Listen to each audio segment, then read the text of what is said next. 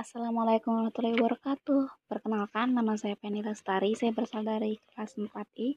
Saya akan menjelaskan mengenai materi pelajaran IPS sekolah dasar, yaitu mengenal setiap peran anggota keluarga.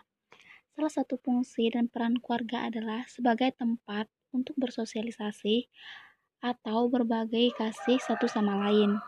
Untuk membentuk sebuah keluarga yang harmonis, setiap anggota keluarga wajib menjalankan perannya sesuai tugas dari potensi masing-masing. Yang pertama, peran ayah dalam dalam keluarga.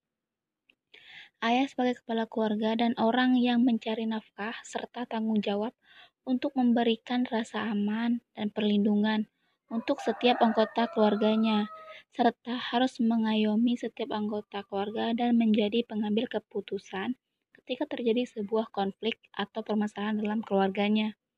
Yang kedua, peran ibu dalam keluarga. Ibu lebih banyak menumpahkan rasa kasih sayang kepada suami dan anak-anaknya. Peran ibu mendidik anak, menyediakan makan untuk semua anggota keluarga bagi ibu yang pekerjaannya di luar, ia harus pintar-pintar berbagi waktu antara mengurus pekerjaan dan rumah tangganya. Ibu sebagai penengah permasalahan antar anak dengan anak atau dengan ayah. Yang ketiga, peran anak sulung dalam keluarga. Anak sulung adalah pengikat perkawinan dan terlahir sebagai anak pertama yang sudah dinanti-nantikan oleh kedua orang tuanya. Juga peran anak sulung untuk mengayomi adik-adiknya untuk menjadi lebih baik.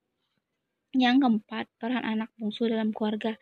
Sama dengan anak sulung, peran anak bungsu adalah pengikat perkawinan suami dan istri. Sifat anak bungsu biasanya periang dan ingin selalu dimanja, dapat menjadi penghibur tersendiri bagi orang tuanya. Jadi, peran keluarga akan berjalan dengan baik bila setiap anggota keluarganya telah memahami dan melaksanakan perannya masing-masing. Di zaman modern ini, memang banyak anggota keluarga yang menjalankan peran yang berbeda.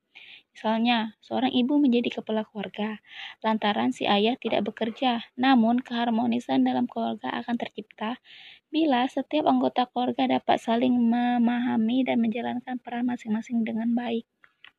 Sekian dari saya. Wassalamualaikum warahmatullahi wabarakatuh.